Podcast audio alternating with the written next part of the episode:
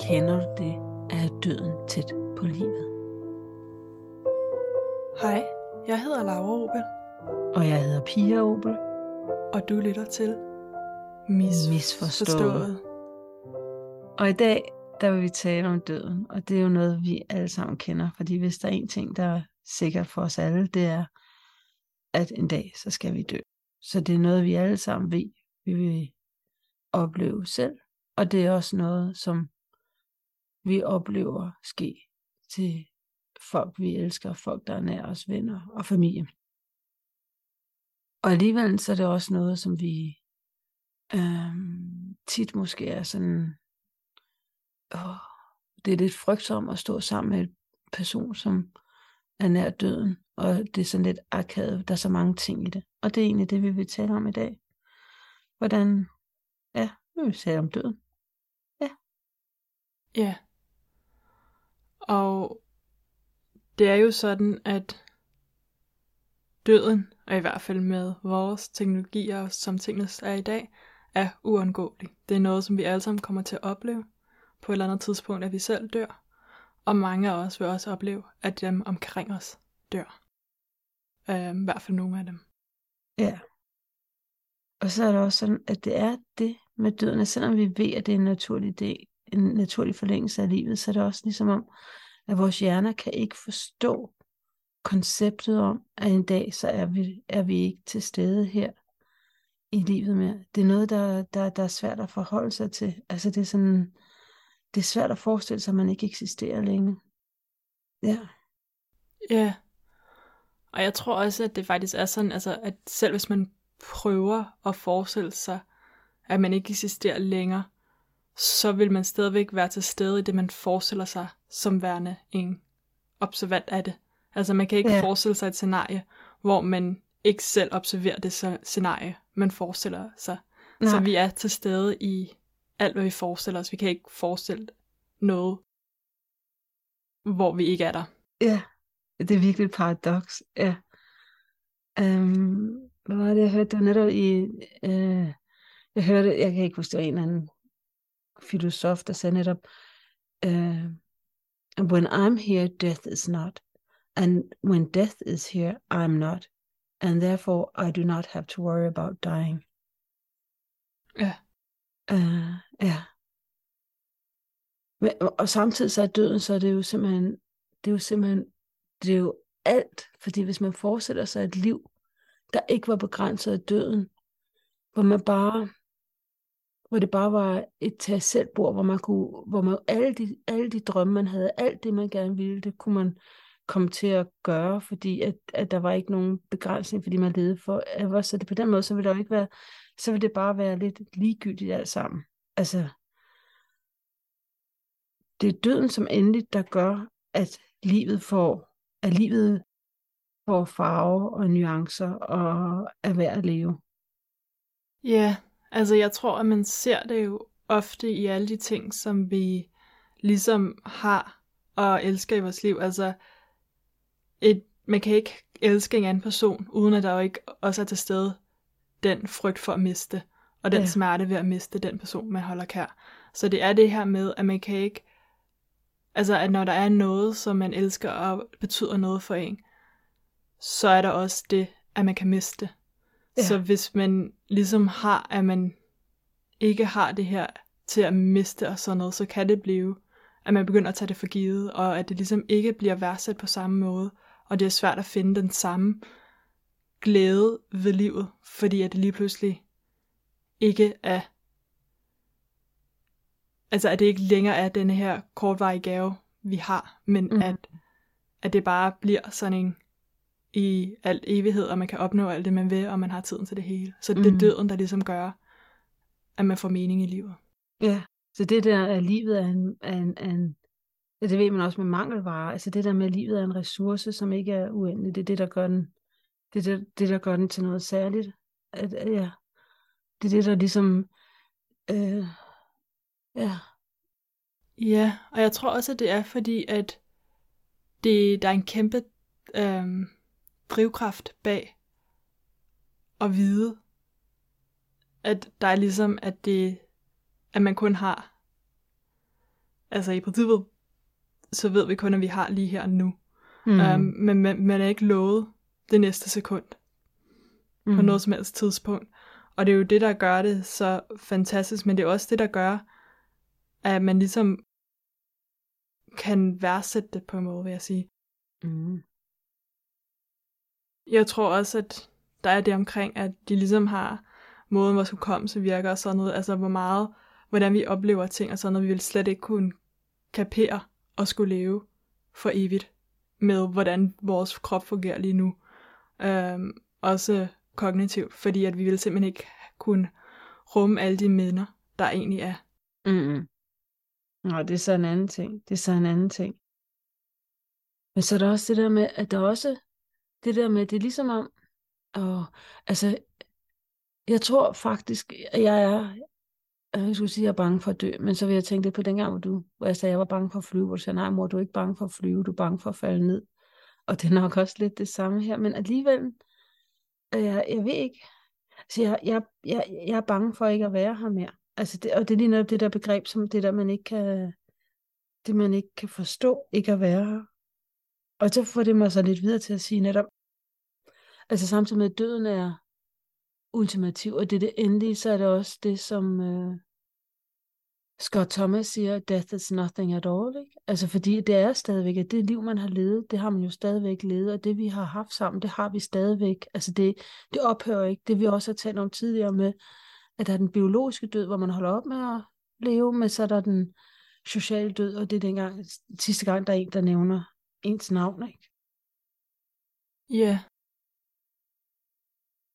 Også fordi, at bare fordi, at man biologisk dør, så er det jo ofte, at man efterlader mange folk omkring en, som havde en nær og elskede en.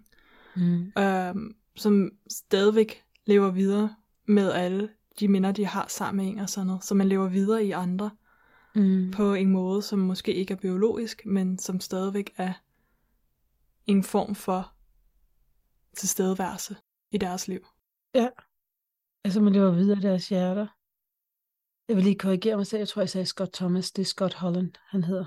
Øh, den poet, jeg øh, citerede. Øhm, ja.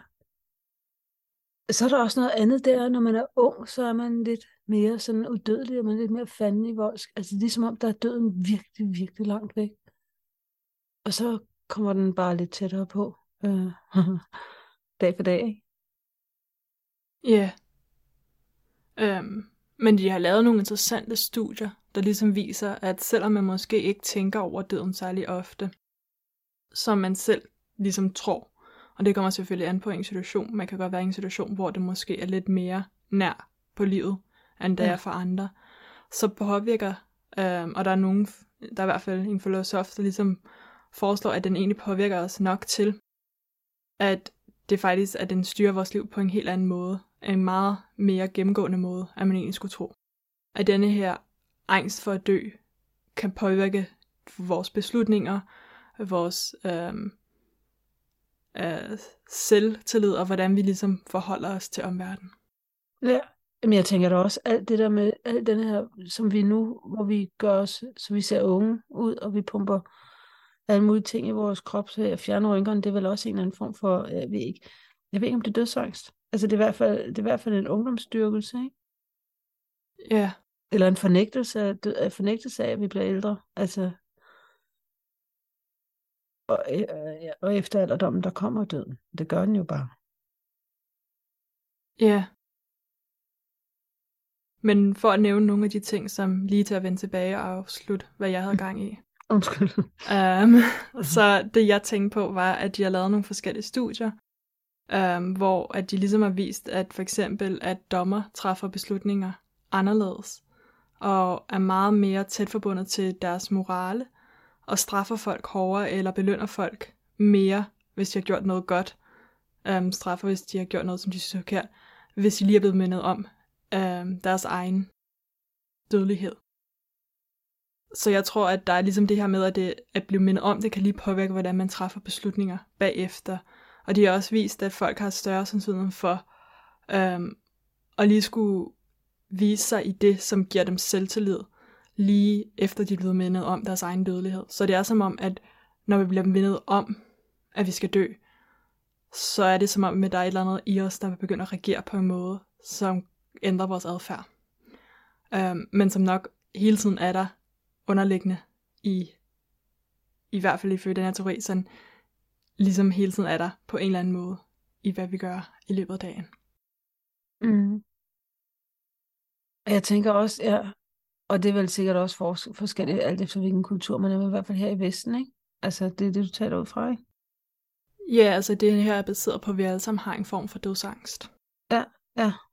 At det er... Det er det, der får os til at, at, at agere i hverdagen, ikke? Ja.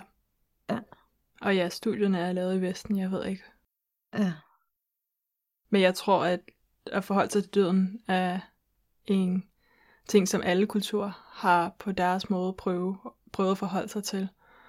Og man kan jo se mange forskellige ritualer omkring døden, alt efter hvor man bor. Ja. Ja. Ja, og så er der nogle samfund, hvor der, hvor der er meget større accept. Jeg tænker netop i Mexico, hvor de også har de dødes dag og sådan noget. Altså, det, ja, jeg kender ikke noget til rigtigt, så det skal jeg ikke tale om.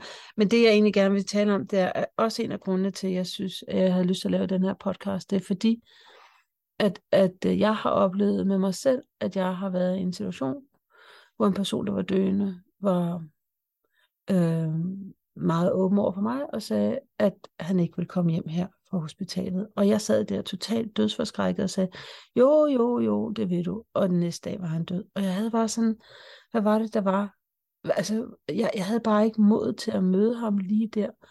Og jeg tænker, at det er egentlig det, der er vigtigt, det er, at, at, øh, at når vi møder døden hos, hos vores nære, hos vores kære, at vi på en eller anden måde forstår at være der, hvor vi skal være. At vi ikke fortsætter med vores travle hverdag, men vi forstår at sørge for, at, hvor, at, at vores kære får en værdig død, og vi er der, og vi øh, og på en eller anden måde, øh, når de, når, i den situation, der var han jo virkelig afklaret, men jeg, jeg, var, jeg var bange for det, og i virkeligheden så kunne jeg jo have stillet de her spørgsmål, hvor jeg kunne have været, altså, er du bange?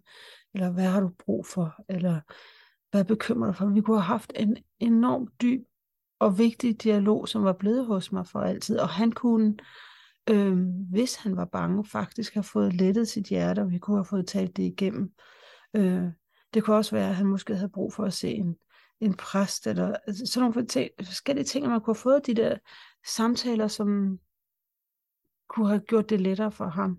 Og, og, og det, der er så mange ubesvarede spørgsmål, og, og det er så vigtigt, at vi får at vi får sagt, at vi elsker hinanden, at vi får sagt, hvad vi har betydet for hinanden, fordi det er det, der vil, der vil være med os, og vi får været de personer, som vi gerne vil være, at vi er til stede, og ja.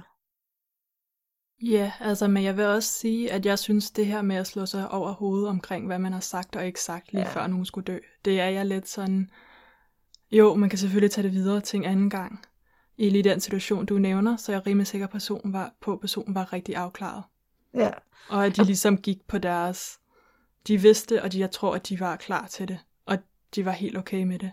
Og jeg tror egentlig ikke, at... Altså, jeg tror ikke, at det... De der med, hvad nu hvis, og hvis man havde, og kunne det have været bedre. Mm. Fordi man har jo stadigvæk alle de andre minder fra før. Mm. Og man har jo allerede bygget op den kærlige relation. Mm. Og hvis ja. man ikke har, altså så jeg vil sige, og man kan også være i situationer, hvor det måske er gået, at man ikke har den relation, man gerne vil have bygget op, og sådan noget, før det sker til kærester og noget, men jeg har lidt sådan, døden er så svær at forholde sig til. Ja. Og vi kommer alle sammen til at have truffet nogle beslutninger, som man måske kan tænke, måske hvis jeg havde sagt noget andet, eller gjort noget andet, så ville det have gået på en anden måde og komme dybden. Men jeg tror også, at der er en del ved at, at ligesom at ture og kigge døden i ansigtet. At acceptere, at man ikke ved det. Og man ved ikke, hvornår det kommer til at ske. Og man ved ikke, hvornår den sidste samtale kommer til at være. Og man ved ikke nødvendigvis. Altså, der er så meget, man ikke ved. Der er så meget uvidenhed mm. omkring døden, som jeg også tror, at det At det er, at man ved, at den kommer, men man ved ikke, hvornår. Nej, det er to ting at sige til. Den ene er, når du siger det på den måde, så tænker jeg også, at det er også derfor, man egentlig, det er vigtigt, at man ikke har skændtes med sine børn, inden man sætter dem i børnehave. Altså det der med, at man sørger for hver dag, at man tager afsked med sin elskede på en måde, hvor man ligesom siger, nu skilles vi, og det, øh, man skilles på en måde, som man gerne vil være, så man ikke går render rundt og har det dårligt. Og en anden ting, jeg har tre ting faktisk, det jeg giver dig helt ret, man skal ikke gå og slå sig selv over i hovedet, men man gjorde noget forkert, fordi der var to til det.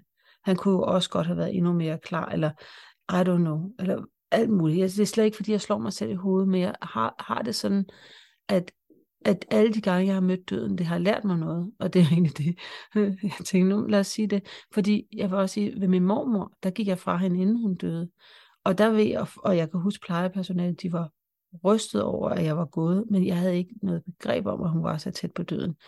Og og selvom hvis jeg havde, så skulle jeg videre til det bryllup, og jeg tror stadig ikke, jeg ville have gjort det, men jeg ved også, at min mormor, hun ville også have ønsket, at jeg gjorde det. Altså, at jeg levede videre mit liv, at jeg ikke, altså, jeg, der, der, der, så jeg føler ikke, at jeg, men bagefter kunne jeg godt have tænkt, jeg kunne måske godt have siddet der to timer til at holde hende i hånden, ikke? Men, men sådan er det, altså, vi, vi, vi, vi er tilgivet. Vi er allerede tilgivet for, hvad vi gør, fordi at det er svært at forholde sig til, og det er svært at vide hvad der er rigtig forkert, og også fordi det er forskelligt fra person til person. Men hvis man tør spørge ind og sige, hvad har du brug for? Altså, det er egentlig det. Har du noget at kommentere, ellers vil jeg gå direkte videre til hospicer, Laura. Ja, jeg vil bare sige, altså det er jo også noget, som du har ligesom sagt til mig, fra at jeg har været rimelig ung, og jeg tror også, at det er en af de erfaringer, du har gjort dig. Og det var, at hvis man kender nogen, som ligger for døden, så er det vigtigt at sige det, man har brug for at sige til dem. Eller det mindste have gjort nogle overvejelser, og, og ligesom også være afklaret med, at hvis man ikke får det sagt, at man er okay med det. Mm. Eller ligesom at have en bevidsthed omkring det. Ja.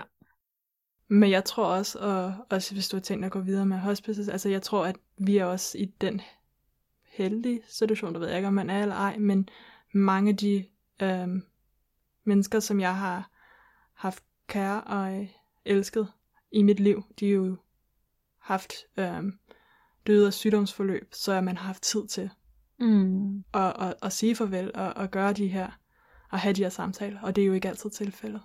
Nogle mm. gange, så dør folk meget pludselig. Mm. Mm. Og så tænker jeg også, at så er det også lige så godt at, at, at tale til dem efter deres død, og få det ud af sit system på den måde og tro på, at de hører det. Ja, og hvis man gør det, øhm, så rent øhm, kognitivt, så kan det være en god idé at have et billede af dem stående foran en. Mm. Fordi at man kan godt snyde ens hjerne til at tro lidt mere på, at man har en samtale med dem, og finde lidt mere afklaring ved, at man kan se dem sådan rent visuelt, når man snakker med dem. Mm. Mm. Men altså, jeg tror, men ja, det er, bare, det er bare svært at sige farvel til nogen, man elsker, der skal dø. Og det, og det er bare svært. Ja, og det måske skal man bare erkende det.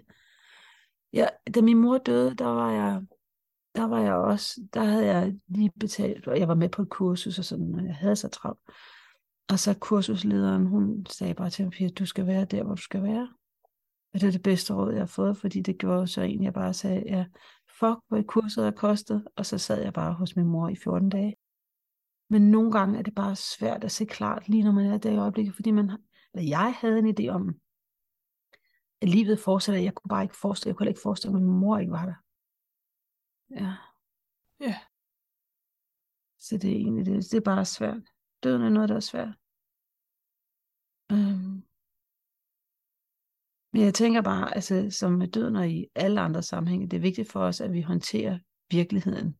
Altså det er vigtigt for vores mentale sundhed, at vi mm, ikke, ja, at vi forstår, eller vi, at vi håndterer virkeligheden, som den er, ikke? Men det er bare nogle gange svært at forstå virkeligheden. Ja. Ja. Ja. Men jeg tænker egentlig, at det er, det er, at vi alle sammen, vi er sådan lidt dødsangst eller dødsforskrækket og sådan noget. Så vi bygger de der mure op, og det er faktisk misforstået, fordi bag den mur, der er vi ensomme, ikke? Og det er vigtigt, at vi har de samtaler. De her dybe samtaler, som, som, øh, som øh, døden og dens endelighed ligesom giver os en mulighed for, fordi der kommer, der kommer en dybde. Når døden er nær, så kommer der en dybde i livet. Ja. Og der vil jeg faktisk endnu nu komme til de der hospicer, som jeg talte om før. Det er, at hospice, eller hedder det et hospice, når hedder hospice? Et eller hospice på engelsk. Ja, det er et sted, hvor uhelbredelige øhm, syge mennesker kan komme hen, og hvor der er professionelt personale til at lindre smerten på det sidste. Og det er gratis. Og, øh, og det der er, det er, at det hospicer er gode til, det er netop at binde sløjfer. Det er at sørge for, at man ligesom kommer afsted på en værdig måde, om der bliver fagnet om den døende, og også om, om, om de nære omkring den døende. Øhm, ja, og det synes jeg måske er værd at tage med. Ja. Ja. Og så er der vel egentlig bare det at sige, ja, at, at døden er en realitet, og det er en trist realitet. Selvom den er nødvendig. Og, og som en følge af døden, så, så er sorgen ofte en følgesvend. Øh, ja. Og, øh, og sorgen, det har jeg lidt som, at det, det, det er kærlighed i en ny form. Øh, ja. Og vi har også lavet en episode om sorg, som, som du eventuelt vil gå tilbage og lytte til, og det er episode 53. Ja. Og jeg vil også sige, at når vi snakker om sorg, så er det også vigtigt, at heller måske ikke at have berøringsangst omkring de mennesker, man har kære, som lige har mistet nogen.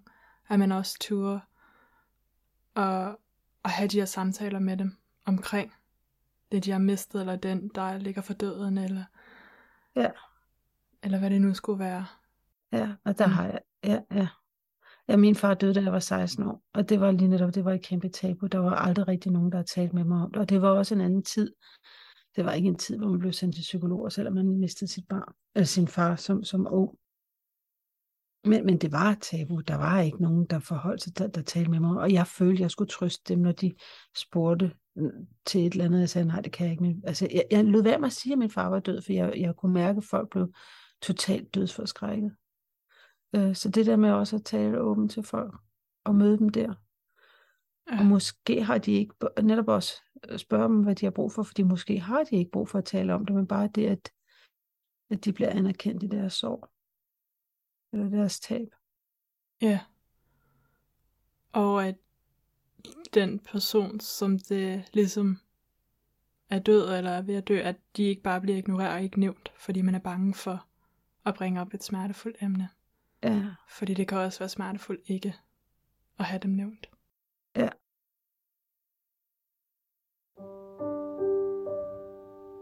Hvis der skulle være et hack til, til, til det her, den her episode om døden, så, vil, så er det at, at vise din kærlighed og sige det, du vil sige til dem, du elsker, altså dem, du har kær. Ja. Ja. Våg at være sårbar. Ja. Yes. Og så er der vores referencer, og der, vi har talt lidt mest for personlig erfaring her, og det er løst og fast. Der er en, jeg vil gerne sige, øhm, hospiceforum.dk, øh, fordi der kan man læse noget lidt om, hvor der er hospicer i, i Danmark, og hvor mange der er, og hvordan og hvorledes. Øhm, ja. Ja. Og så er der kun at sige, at nu vil Laura læse et meget smukt digt op for os, som hedder øhm, Death is Nothing at All af Henry Scott Thomas. Nej, Henry Scott Holland. Af Henry, Henry Scott Holland. Ja. Death is nothing at all. It does not count. I have only slipped away into the next room. Nothing has happened. Everything remains exactly as it was. I am I, and you are you. And the old life that we lived so fondly together is untouched, unchanged. whatever we were to each other, that we are still. Call me by my old familiar name. Speak of me in the easy way which you always used. Put no difference into your tone. Wear no forced air of solemnity or sorrow. Laugh as we always laughed at the little jokes that we enjoyed together. Play, smile, think of me, pray for me. Let my name be ever the household word that it always was. Let it be spoken without an effort, without the ghost of a shadow upon it. Life means all that it ever meant. It is the same as it ever was. There is absolute and unbroken continuity. What is this death but a negligible accident? Why should I be out of mind because I am out of sight? I am but waiting for you, for an interval, somewhere very near, just round the corner. All is well, nothing is hurt, nothing is lost. One brief moment, and all will be as it was before. How we shall laugh at the trouble of parting when we meet again.